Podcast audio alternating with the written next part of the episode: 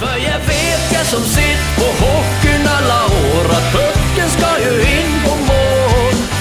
Du kan passa och dribbla tills jag sömmer når. När skjut så jävla hårt den går så är händerna skicka Ja, nu står det inte på. När ni lyssnar på det här avsnittet av Leksands IF-podden så är det nog bara, bara timmar kvar tills pucken släpps och först ut är vårt herrlag i SHL-premiären hemma, i Tegera Arena mot Örebro.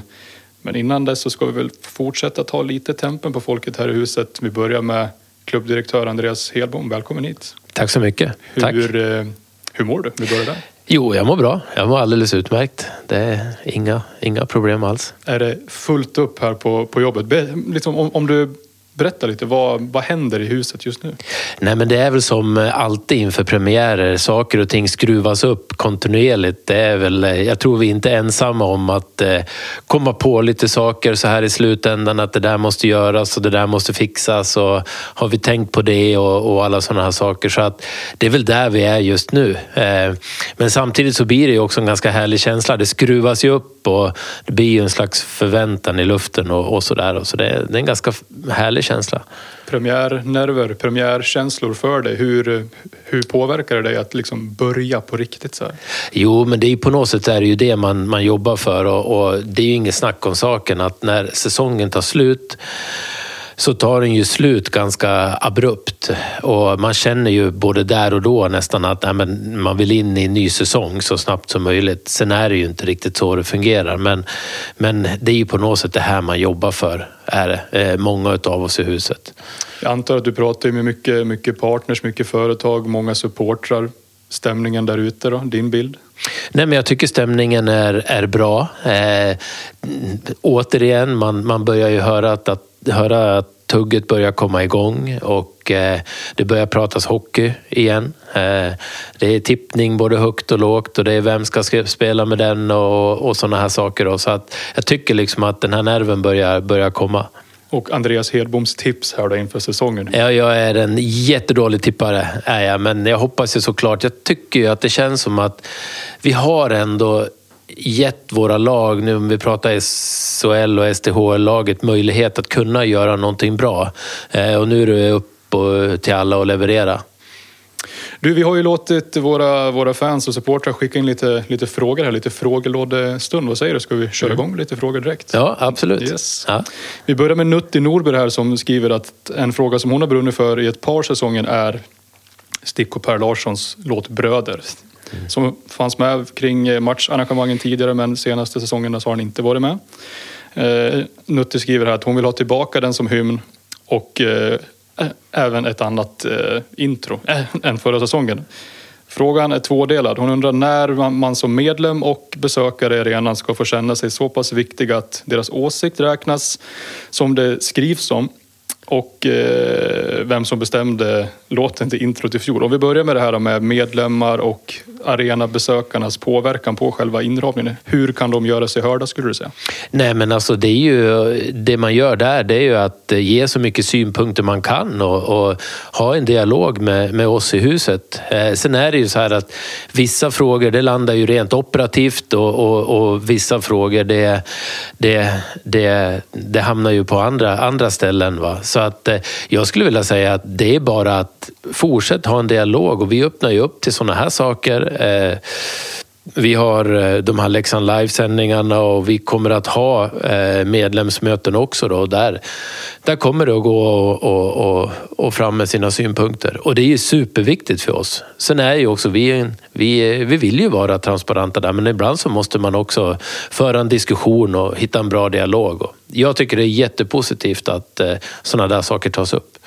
Apropå introt, har du fått chansen att höra nya introt? För det ligger klart. Jag vet att eh, introt ligger klart. Jag har tjuvkikat lite på det och jag tycker det ser, ser bra ut. Jag kan ju erkänna, eller avslöja. Jag har hört och sett det och det ger lite flashbacks till tillbaka i tiden till, till gamla ishallen. Men man får väl komma hit, hit och uppleva det själv tänker jag. Man får komma hit och uppleva det. Yes.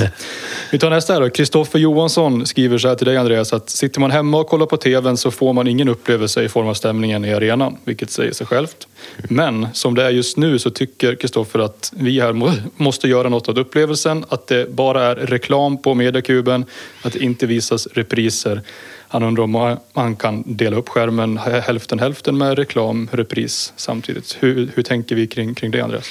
Nej, men om man tittar på till exempel om vi tar kuben då som, är, som var en del av frågan här så sitter vi ju fast i olika avtal, eh, bland annat med ligan eh, som är en ganska stor del utav, utav kuben, men även lokala leverantörer. Och där, där har vi åtaganden att, att, att följa.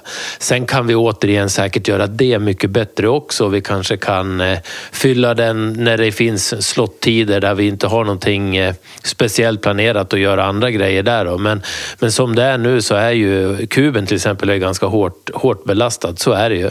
Eh, sen generellt upplevelsen arenan, ja men det, det, det vill vi nog utveckla allihopa mer och mer. Eh, och det är ju någonting som man inte får stå stilla liksom då, utan det är ju någon, en process som måste fortgå. Och, och eh, där är vi som sagt lyhörda och verkligen försöker ta till oss vad kan vi göra annorlunda och bättre.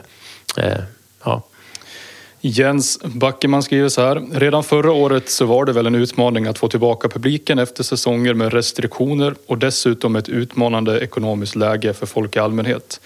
Restriktionerna är ju fortsatt borta men ekonomin har ju inte förbättrats nämnvärt. Hur jobbar ni för att lyckas behålla eller, eller ännu hellre höja publiksnittet för vårt SHL-lag kommande säsong? Samma fråga gäller även SDHL-laget, skriver Jens här. Nej, men om man tittar på publiksnittet förra året så var det ju faktiskt, eh, jag tror det var det näst högsta i på senaste 20 åren, eller under den perioden vi har haft den nya arenan.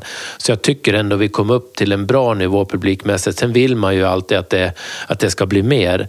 Vi jobbar ju med många olika delar för att få hit publiken. Det är ju inget, det är ju inget det är, alla vet ju att vi, vi bor ju på en ganska liten ort och många åker ganska långt för att titta på oss.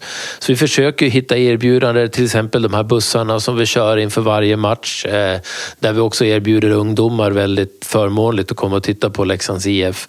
Eh, sen försöker vi också utveckla koncepterna kring familjedagar. Eh, vi kommer ha ett antal eh, tror jag, väldigt fina hyllningar under året som vi kommer släppa kontinuerligt här. Eh, och det är sådana grejer vi, vi, vi försöker jobba med för att få hit eh, publik och att man känner sig välkommen och, och att det är liksom någonting speciellt att komma och se, se Leksands IF.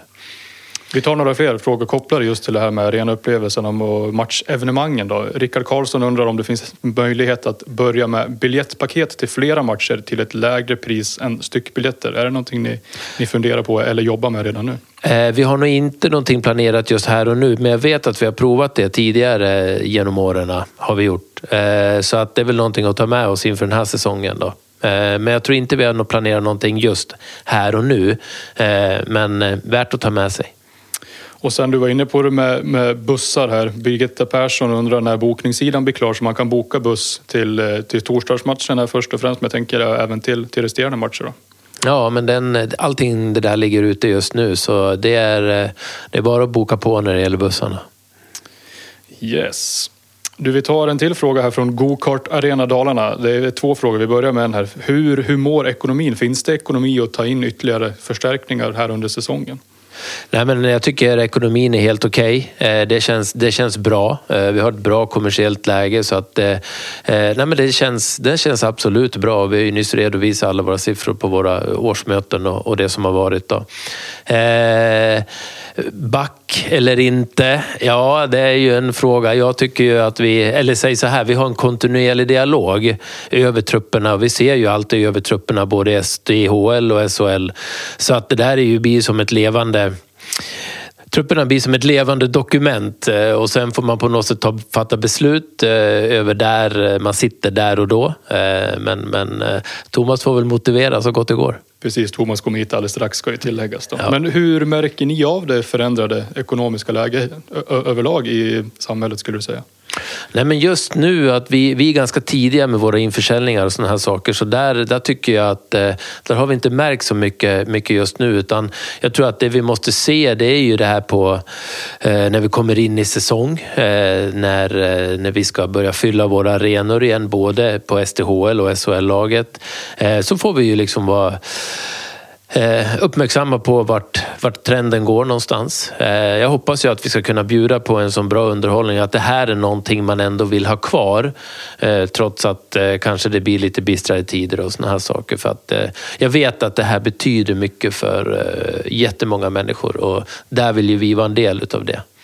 Vi tar en till fråga från Gokart Arena Dalarna. Vad budgeterar ni med för antal sålda biljetter per match här under säsongen? På, eh, jag antar att det är eh, SHL-matcherna. Mm. Men vi, gör ju, vi gör ju olika biljettkategoriseringar beroende på när matchen är och när, eh, när, när den spelas. Om det är lördag, eller en tisdag eller torsdag eller vad det nu är. Så vi, jag om jag inte kommer ihåg helt fel så ligger vi på dryga 6 000 i snitt. Det är ju snittet som blir viktigast för oss då. Men någonstans där eh, är det. Och för damlaget, hur, hur jobbar ni där för att höja liksom publiksnittet på, på deras matcher också? Ja, det där ska bli, det där ska bli väldigt intressant att följa. Eh, ligan tar ju ett litet nytt grepp kring eh, speldatum, eller speldagar just nu. Då. kommer ju spela fredagar och söndagar och det kommer vara mer en sammanhållning i spelschemat. Då, att man spelar samtidigt alla lagarna. Eh, vad vi bland annat har gjort är att vi kommer att identifiera tre matcher som vi liksom pointar ut ordentligt. Det här ska vara våra publikmatcher.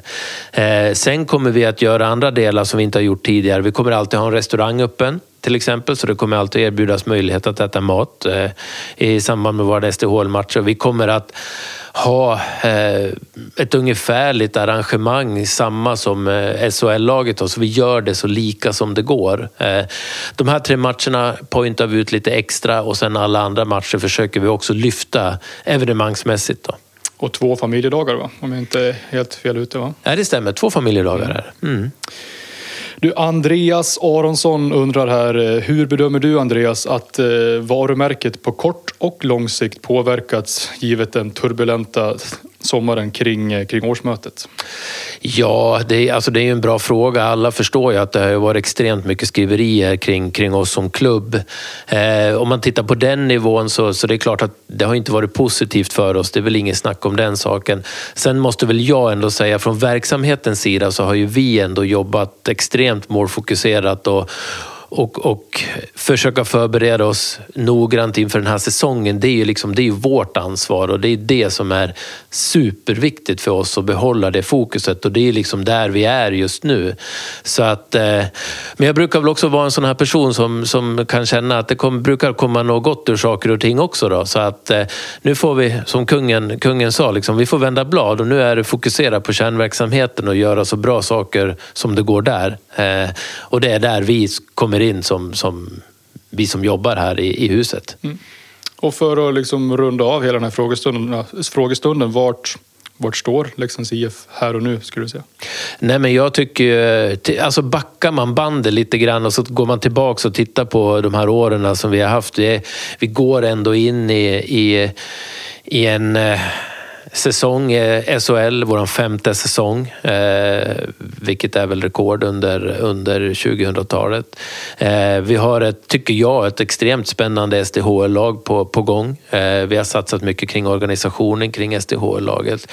Vi gör grejer i arenan, vi försöker hela titta på att utveckla oss och titta framåt. Så att jag tycker att vi, vi har ett intressant läge på gång har vi. Och det, det, det tar ett tag att etablera sig i de här ligorna. Det tar ett tag att göra bra grejer. Men Leksands IF har absolut alla möjligheter att ta ett stort klev i, i år och även, även nästa år. Året efter det, året efter det. Stort tack för att du kom Andreas. Ja, men tack så mycket. Men innan du lämnar, du är en usel tippare säger du, men du måste ändå ge ett tips här på eh, för herrlagets premiär här mot Örebro. Jag vill ha slutresultat och eh, första målskytt för, för oss här. Eh, jag tror vi vinner med 4-2 eh, och eh, första målskytt. Eh, jag tror att Marek hänger första. Gott så. Du, stort tack och så lämnar vi över till eh, Thomas Johansson. Tackar. Jajamän, då har Thomas Johansson ersatt Andreas Hedbom här vid mikrofonen. Välkommen hit Tjomme, hur, hur är läget här, här för dagen? Eh, jättebra. Eh, skönt också att eh, jag får vara efter Hedbom. Det känns tryggt. Ja, men jag tycker ändå det är skönt att det, det, då, då kommer liksom kravbilden från Hedbom är ju rätt hög och så kommer de ner på mig. Så då, då känns det skönt att vara tvåa i det avseendet. Jag förstår det. Jag förstår det. Du, du får samma fråga som Andreas fick här för en stund sedan. Premiärkänslor. Hur utkristalliserar de sig hos, hos dig? Eh, oj. Eh, ja, men det är ju självklart att, att det är en förväntan. på... Vi har ju ändå hållit på att gnugga nu i, i en och en halv månad med olika saker och en hel sommar och, och sådär. Så att eh, förväntan är väl det som är det första ordet jag tänker på när vi börjar närma oss torsdagen och premiären. Är det samma känslor för dig nu som ledare kontra när du fortfarande var aktiv som, som spelare? Eller skiljer det sig åt skulle du säga? Eller? Det skiljer sig nog rätt mycket åt. I den position jag har nu så är det så mycket, mycket mer eh, som behöver vara på plats än, än när jag var spelare. Jag var spelare då handlar det egentligen bara om att gå ut på isen och, och göra det. Men nu är det, det är så mycket annat med allt ifrån media till möten till alla träffar med SHL och alla kontrakt som ska in. Och, det är mycket sådana saker, registreringar och grejer som, som finns i tanken också. Att vi verkligen har gjort allt och sett till att allting är på så att alla får spela den på torsdag. Du, jag tycker det leder in oss bra här på frågorna som har kom- kommit in till det här. Vi började direkt med Photo by Masen, tror jag, tror jag att eh, användarnamnet är där, som frågar hur, hur en eh, typisk dag som GM för Leksands IF ser ut. Eh, ja, men oftast sladdar in eh, på cykeln vid mellan åtta och halv nio. Såvida inte vi har något morgonmöte. Vi brukar ha varje måndag så har vi åtta möten där vi går igenom hela organisationen då, på vår sida, på herrsidan då med hur skadeläget är, hur planen ser ut för veckan, resor och allt sånt där. Eh, därefter sen så brukar det vara att gå igenom lite mail. Eh, Det finns alltid eh, olika saker. Det kan ibland vara allt ifrån att SHL har saker de undrar över eller agenter som man behöver svara eller någonting annat. Eh, ofta en kaffe och vill gärna sitta och snacka lite med tränarna, höra lite deras tankar kring dagen, hur den går och vad de tänker och planering och hur de ser på laget och spelare. För de lever liksom mycket närmare gruppen än vad kanske jag gör. Och sen brukar det vara träning eh, därefter som jag gärna tittar på. Eh, efter det brukar vi ha lite eftersnack. Vi brukar titta på lite video från träningen och om det är några individuella samtal som behövs ta. Och, ja, men så att man håller sig lite ajour och informerad kring vad som händer runt laget. Utan att för den skulle vara den som är liksom inne och styr och ställer så, så känner jag mig trygg med att jag, jag får information. Eh, Och därefter sen så är det väl lite eftermiddagsarbete. Återigen, man hamnar framför sin egen dator och, och lite sådana saker innan man tar cykeln och cyklar hem. Eller spela in en podcast. Eller spela in en podcast. Det kan ju vara ibland. Det är det ju också. Vi har sportchefsmöten, eh, det kan vara media. Det, det är mycket sådana här saker. Eller som nu, jag kommer från ett sportmöte med hela vår sportorganisation med alla tränare från U16 upp till, till herrlaget med både SDHL och damjunior och, och hela paketet. Eh, lite sådana saker också som sker under dagarna. Hur, hur tajt är det arbetet i den sportorganisationen? Ah, nu, nu är det ju, försöker vi få igång ett, ett arbete där, där vi också ska hjälpas åt och utbyta erfarenheter och vi ska kunna sätta gemensamma saker, att alla ska veta exakt vad det är som gäller när vi ska utbilda spelare. Och hur tänker herrtränarna och damtränarna kring kravbilden för att en junior ska kunna ta en plats i, i, i ett SHL eller SDHL-lag? Eh, hur, ser utbildningsstegen ut från U16 och uppåt? Vilka kravbilder har vi där? Så, eh, lite olika sådana här infallsvinklar. Utbyta coachingerfarenheter kring hur matchcoaching? Eh, vissa har ju spelat OS och VM frekvent. Anna Borgqvist och Challe Berglund bland annat. Ja, men vad, är, vad har de för erfarenheter internationellt? Alltså mycket, mycket prat om och, och försöka hjälpa varandra framåt så att vi alltid lär oss någonting. Det låter som rätt intressanta Ja, samtal men det, att ta del av. det är ju jätteroligt och, fr- och framförallt så bygger det ihop också organisationen. Det var rätt kul för man, man blir ju rätt fartblind i den här verksamheten men nu när vi satt där, tror vi var 19 stycken, jag har 20 stycken med mig som jobbar heltid på med våran eh, sportsida. Från Stor- U16 och uppåt. Stor organisation. Stor organisation och så såg det inte riktigt ut för fyra och ett halvt år sedan när, när jag dök upp här. Så det har ju hänt otroligt mycket saker som kanske inte alltid syns utåt och sådär, men, men som gör att vi förhoppningsvis är en, en organisation som kommer att ligga i framkant eh, av att utveckla hockeyspelare i, i, in, i Sverige för lång tid framöver. För vi har extremt mycket duktiga människor inne i vår verksamhet som gör mycket bra saker. Du, vi hoppar vidare till nästa fråga Thomas. Mm. Christer Stefansson undrar här. En av anledningarna att ni inte förlängde med Mikael Rohoma var att ni ville frigöra pengar för att kunna värva in en klassback. Eh, tycker backsidan ser tunn ut om man får några skador på så kallade toppbackar. Var inget frågetecken med det, men om vi tar det, var, om det här att frigöra pengar för en toppback och att backsidan ser tunn ut, din syn på det påståendet, det får man säga. Eh, nej, jag, jag, tror aldrig jag har stått och sagt ut att vi ska släppa spelare för att frigöra pengar och vi ska värva någon toppback i det, utan det, är ju, det finns ju andra anledningar till att, att eh, Micke Roma kanske inte är kvar i Leksands IF. Eh, vi har gjort en annan analys där, där, vi tycker att vi hade väldigt mycket lika spelare i grund och botten. Eh, och, och, kunde vi då behålla den kvaliteten men, men samtidigt då rikta in oss på lite andra spelartyper, ja då hamnade Micke i den situationen både rent ekonomiskt att vi inte kanske kunde erbjuda det han letade efter men också att vi i den vevan kände att vi behöver fokusera laget och vikta om laget på ett annat sätt. Eh, backsidan, jag, jag vet faktiskt inte riktigt. Jag, jag, vet inte om vi hade så mycket frågetecken från backsida inför förra året när vi värvade in Anton Lindholm, Ola Alsing bland annat. Eh, och de är ju kvar i laget så att jag tycker att vi har, vi har ersatt de spelarna som vi har tappat, Liam Bixel och eh, Jonas Ahnelöv. Eh, på ett annat sätt som, som gör att jag tycker att vår backsida i år är lite bättre än vad backsidan var förra året. För att till exempel Lian hade inte kommit så långt i sin utveckling. Där tycker jag Anton Johansson är längre fram i sin utveckling i år än vad, vad Lian var vid den här tiden. Sen var Lian jätteduktig efter februari.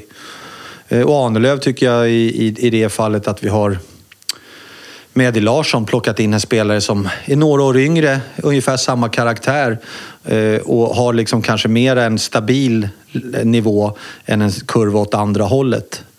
Eh, så, så jag, jag, tycker inte vår backsida är ett dugg sämre i år än förra året. Eh, men det är ju, oavsett vilket lag du är i SHL, så det är väl självklart att skulle vi ha Lindholm och Keito borta samtidigt, det är klart att det blir jobbigt, men det blir det för vilken SHL-klubb som helst. Alltså Skellefteå, tappar de Pudas och någon till, ja då är de i deep shit. Eh, tappar Luleå någon av sina backar, ja men de är de Så att det går liksom inte att bunkra upp med tre Anton Lindholm eller tre Matt Cato som står och väntar på att få hoppa in och spela. Utan laget är byggt utifrån tre stabila pjäser med, med två landslagsspelare i Alsing och Lindholm. Och sen har vi Cato som också är en ja, skulle han vara med och konkurrera i, som svensk så skulle han absolut ha en chans att spela i svenska landslaget. Där bakom lite stabilitet i Norre, eh, i Eddie Larsson och så utveckling i Fred. Vi har utveckling i Anton Johansson och vi har utveckling i Alexander Lundqvist. Så att det är viktigt att de tar sina kliv för att vår backsida ska bli hel. Men så ser det ut i alla, alla SHL-lag egentligen. Om du ser på truppen som helhet då, vad, vad talar för att årets upplaga är en bättre än den förra året? Ja, men förhoppningsvis att vi kommer att ha färre bottennapp. Eh, vi ska försöka behålla de toppar vi har haft och det tycker jag vi kan göra med de spelarna. Vi, vi gjorde ju lite lite mål. Vi gjorde väl typ näst minst mål i ligan förra året. Vi hade ett powerplay som hackade i 13 omgångar utan att göra mål. Att, att få bort de här bottennappen som vi hade har ju varit målet. Och då, då, kan man enkelt så kan man säga att vi hade för lika spelartyper förra året som ville vara för kreativa i alla lägen. Och, och det gör att när, när eh, det går bra, då är det in i helvete bra. Men när det går dåligt, då är det in i helvete dåligt. Och det är väl det vi har försökt göra, att vi ska behålla det här som har varit in i helvete bra. För vi tycker att vi fortfarande har de kvaliteterna kvar, fast vi har släppt Camper, fast vi har släppt Roma till exempel. Men att vi ska då med stabilitet i en Vejdemo till exempel balansera upp saker och ting och få in lite mer målskytt i en max. Och förhoppningsvis också Peter kommer tillbaks med och bidrar med målskytt. Att vi då stabiliserar upp våra bottennapp så att de inte blir lika stora. Och i slutändan då handlar det om att ta mer poäng. Och det tror jag vi kommer göra. Du var inne på powerplay-spelet här nyss. Daniel Larsson höjer ett litet varningens finger om man ska säga. Han skriver Varför ser powerplay-spelet lika impotent ut i år som förra året? Tycker ni det såg eller ser bra ut när vi ska ta oss in i zon? Åtta av tio gånger känns det som att det slutar med att vi dumpar in pucken som vi sen är tvåa på. När vi är en man mer dessutom. Enda gången vi får tryck det är när Lang för in pucken. Det funkar inte att siste man hela tiden ska transportera pucken med stillastående spelare längs blå linjen. Kommentar då, liksom, vad var det som kanske inte funkar powerplay i, i fjol om vi tar det?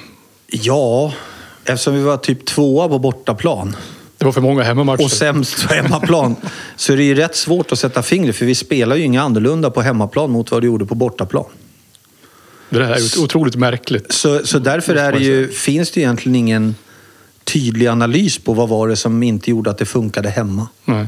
För hade, analysen varit att powerplayet var så jäkla dåligt, ja men då skulle det varit dåligt borta som hemma. Då hade inte det spelat någon större roll. Men, men, så jag, jag kan inte svara på det. Utan jag tror nog mer ibland att det handlar om...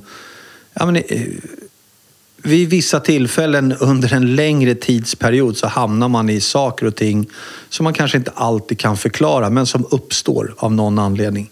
Allt ifrån att en spelare kan hamna i måltorka i tre säsonger till att vi inte gjorde mål på 13 hemmamatcher i powerplay, men vi var näst bäst ungefär på bortaplan. Jag kan inte förklara det.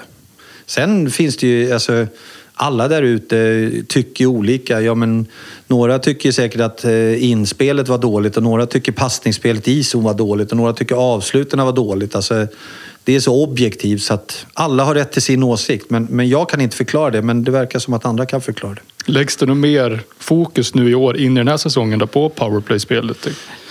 Nej, inte mer än att jag, tycker att vi kanske... Ofta när man har spelat powerplay och, och man har mycket skickliga hockeyspelare som har en stark vilja som vi hade förra året också med Roma, med Camper, med Marek och såna här saker. Då lämnar man rätt mycket över till att de får bestämma hur de vill ha det, vad de vill göra. Eh, I år tycker jag att det är mer uppstyrt från första början att vi vill ha det här. Det är så här vi ser det, det är de här möjligheterna vi har. Och sen i det, är det spelarens uppgift att vara skicklig och välja rätt alternativ. Så jag tycker väl kanske att förra året, ska vi göra någonting annorlunda till i år för att vi inte ska hamna där igen, så är det ju mer att vi äger bollen eller pucken själva som eh, ifrån eh, eh, tränarhåll än att vi ger över för mycket till spelarna. Och det är en skillnad i år från förra året. En annan skillnad är att tränarkonstellationen ser lite annorlunda ut här och det är Mm. Erik Strömberg inne på det här. Han in- inleder med att absolut inget fel på Challe, Challe och Björns hockeykunskap. Gillar dem som FAN. Men saknar vi inte en backtränare som vet exakt hur en back tänker och spelar? Vad säger du om konstellationen ni har fått få till här, här i år då, om vi börjar där? Ja, alltså... En backtränare saknar säkert andra ledaregenskaper som man kanske behöver också ha i en grupp tränare. Eh, jag tror inte Frölunda har någon backcoach. Det verkar gå rätt bra för dem ändå. Som är utpräglad liksom. Rollerna är ju satta utifrån att man är en backtränare men man behöver ju inte ha varit back för att vara backtränare. Ungefär som att det skulle vara det som gör att du är en bra tränare. Eh, så att, så att jag lägger liksom ingen vikt vid det. För mig är det viktigt att personen är väldigt hockeykompetent. Att personen är, är duktig på att se individer och individers svagheter och styrkor. Och att personen också är duktig på att bidra till det tränarteamet som är där nere för att det ska bli så effektivt och bra som möjligt. Så det finns många parametrar eh, istället för att bara ha en renodlad liksom, kille som är duktig på backar. Så är det en helhet och, och där tycker jag inte att vi har några bekymmer utifrån att en sån som Challe Berglund har kommit in och, och axlar den rollen. En glad prick, Berglund Ja, men det, det är ju absolut en, en Challe är ju en, en, en som vill höja stämningen och ha roligt och bidra också till positiv energi och, och det kommer han göra även till spelarna. Eh, andra backtränare vi har haft, de har ju inte kanske bidragit så mycket till det utan de har ju varit mest tysta. Och då får man ju värdera, är det mer viktigt då att jag vet ett backspel eller kanske betyder mer att jag är en lite pådrivare och lite mer liksom engagerad person i båset under matcherna. Det kanske har större effekt än att jag skulle vara exakt expert på ett backspel för jag spelar back själv. Så, så att det... Jag, jag ser det inte som någon nackdel, det gör jag faktiskt inte. Nästa fråga är från Albin Molanders. En fråga som, som vi i och för sig redan har fått svar på. Men hur tycker eh, Thomas att Fred Nilsson har presterat sett till förväntningarna? Jag tycker Fred har, har eh, gjort det jättebra. Eh, man ska också komma ihåg att när vi kontaktade Fred, att sätta liksom en kille i att ja, här har du chansen att och, och slå dig in i ett SHL-lag med den pressen, så ung som han är eh, och har levererat det han har gjort i matcherna. Det, det tycker jag har varit otroligt starkt av honom. Så att eh, jag... Eh, jag tycker han har varit superbra och jag, det delar jag med mina övriga kollegor där nere. Belönats med ett permanent kontrakt Ja. också här, här i dagarna. Eh, vi, det vi gillar i Fred är ju dels hans eh, rörlighet på skridskorna, eh, hans aggressivitet i närkampsspelet. Han är otroligt bra och smart och stark in i närkamperna. Noggrannhet i positionsspelet. Han är en fantastiskt härlig karaktär som ambitionen är alltid att vilja göra så bra det bara går och ambitionen är också att utvecklas. Sen har Fred utvecklingspotential. Han har vissa delar i sitt spel som vi kan jobba med där vi ser att vi skulle kunna göra honom bättre. Och killen är född 02 så det är ju liksom en, en ung spelare som det finns mycket potential i och dessutom också kanske då rightskytt som vi har letat lite grann efter. Så att, nej, jag tycker att det Fred har visat upp, han, han förtjänar eh, att få vara med oss hela säsongen och jag tycker han har gjort det förbaskat bra. Nästa fråga är från Andreas Aronsson. Eh, jämfört med förra säsongen så tycker jag att truppen har vässats och spelaromsättningen varit mycket lägre. Med det sagt, varför tror du Thomas den samlade expertisen pratar om identitetskris samt att man rankar laget som sämre och placerar Leksand utanför topp 8? Det känns som att Leksand har blivit årets hackkyckling. Varför tror du att det är så? Ja, jag vet inte. Jag spelade in en annan podd här i veckan och, och ibland tror man ju att man är dum i huvudet för man tror så mycket mer om sitt lag och så är det så unisont att vi är så dåliga.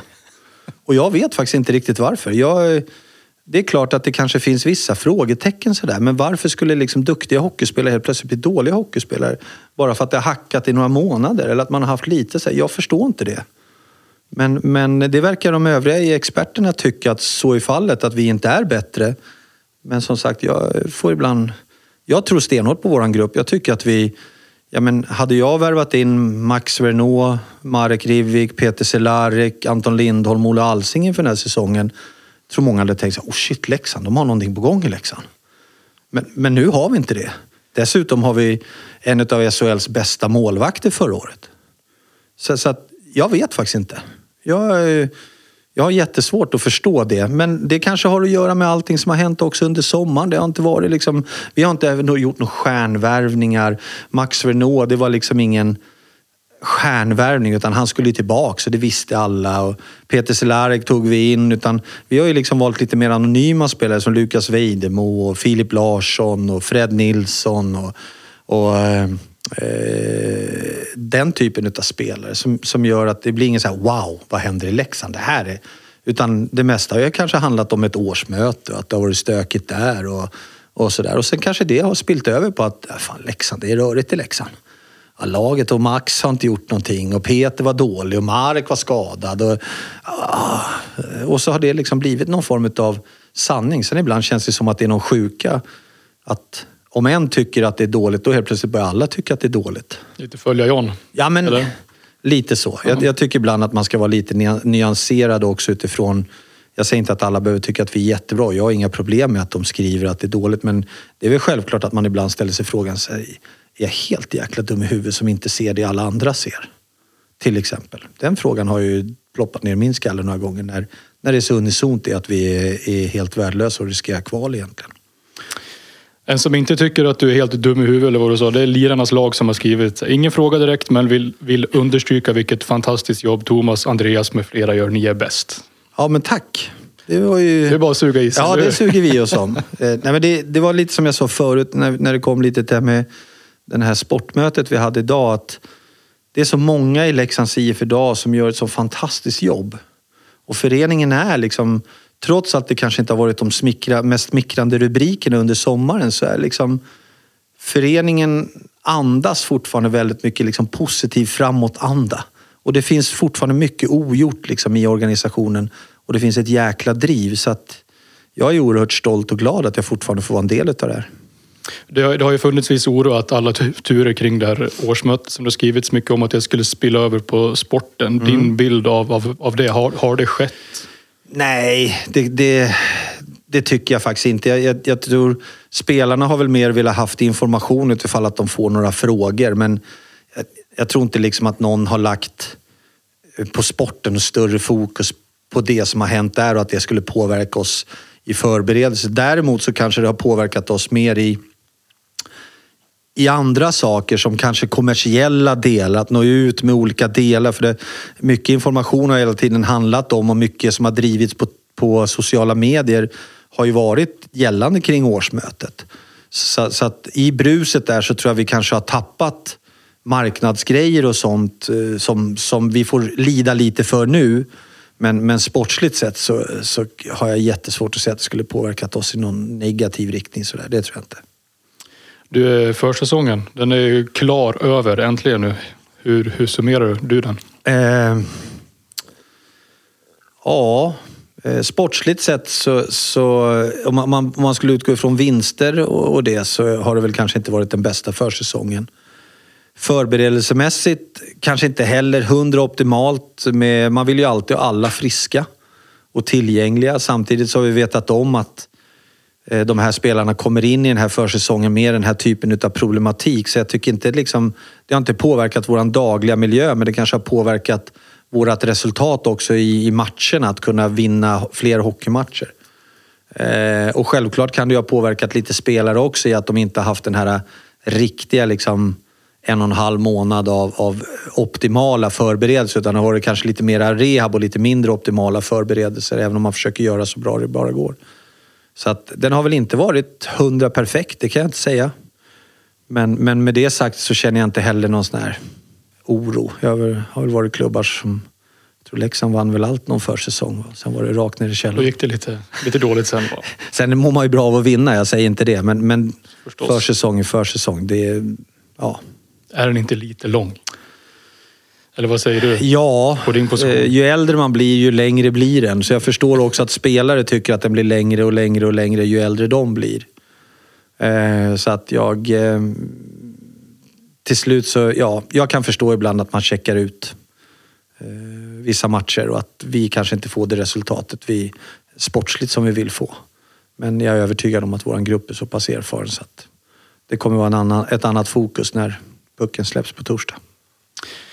Du, Birk Riegelman undrar, hur ser marknaden ut? Kommer den öppna sig efter camperna? Om vi börjar där och så fortsätter vi sen. Det brukar väl inte öppna upp sig jättemycket. Det är väl alltid någon spelare som kanske får för sig att de tycker att de har gjort AHL-spåret. Anledningen till att det har blivit lite så senaste tiden också har varit att AHL har faktiskt börjat betala rätt bra. Man märkte att man tappar mycket spelare till både till KL och till Europa i övrigt. Och att det höll på att urholka liksom deras egen liga. Så, så från att ha betalat de här spelarna som, som är lite veteraner i, i alltså jag tror att det är väl från typ 26 eller 27 år i AHL. Eh, lite pengar som man börjar betala betydligt mera pengar. Som gör att det är mycket mer, mycket mer attraktivt för dem att stanna kvar. Eh, och det gör att AHL-marknaden inte är det den kanske var för tre fyra år sedan. Så att eh, eh, det kommer nog inte explodera men det kanske dyker upp någon enstaka här och där. Det kanske det gör. Sen fortsättningen där eh, undrar Birk lite över status på Kalle Schelin och Filip Cederqvist som ännu inte fått chansen i NHL. Och där tillägger han också hur din dialog och kontakt med spelare som lämnat för spel utomlands ser ut. Ibland så, eh, det är klart att man eh, vid vissa tillfällen har lite kontakt med spelare men det är inte så att jag ringer till spelarna tre gånger i veckan och frågar hur, hur de mår. Eh, oftast så är det ju, när det kommer till status, både Filip och Kalle är ju inne i en fas i, sina karriärer också där de fortfarande vill gnugga vidare där borta. De har ett år kvar. Så att kontakten och, framtiden kommer nog aktualisera sig lite mer här in under hösten för att se lite hur tankarna går in i framtiden för deras del. Men, men eh, det är inte så att jag ringer och, och, och tjatar på dem, det gör jag inte. Roger Johansson här, han skriver att ja, jag vet att jag tjatar, men kommer vi lyckas med att skymma motståndarnas målvakt bättre den här säsongen? Det är en statistik som varit urusel sedan vi kom tillbaka till SHL. Nej, det är väl självklart att, att det är någonting som vi försöker att jobba med och highlighta på träningar, att vi måste vara där inne. Eh, så, så, att eh, vi vet om problemet och vi försöker jobba med det varje dag. Eh, och spelarna vet om att de måste in där. Sen ska jobbet göras. Sen om det kommer leda till att vi har gör flera mål på grund av det, det vet jag inte. Men jag hoppas att vi åtminstone kommer ha en del puckar som singlar in för att vi faktiskt är där framför i år. Thomas, jag tror vi nöjer oss med läsar, eller läsar, eh, gamla synder här. Lyssnarfrågorna. Ja. För, för så, det finns säkert anledning att sätta sig ner någon, någon mer gång här under säsongen. Absolut. Men precis som Andreas ska du få den kanske viktigaste frågan här. Tippa slutresultat och första målskytt här på, på torsdag mot, mot Örebro. Eh, första målskytt är eh, Oskar Lang. Och vi vinner med 4-2. Hade ni samma resultat men olika målskyttar? Får, Alltså. vi se, får vi se vem, Får vi se vem som har vem rätt. som har rätt. Ja, Stort tack för att du kom hit Thomas, Ja, tack så jobbar vi in tre poäng i premiären. absolut. Och stort tack till alla som har lyssnat, stort tack till alla som har skickat in frågor så hörs vi när vi hörs. För jag vet jag som sitt på hockeyn alla år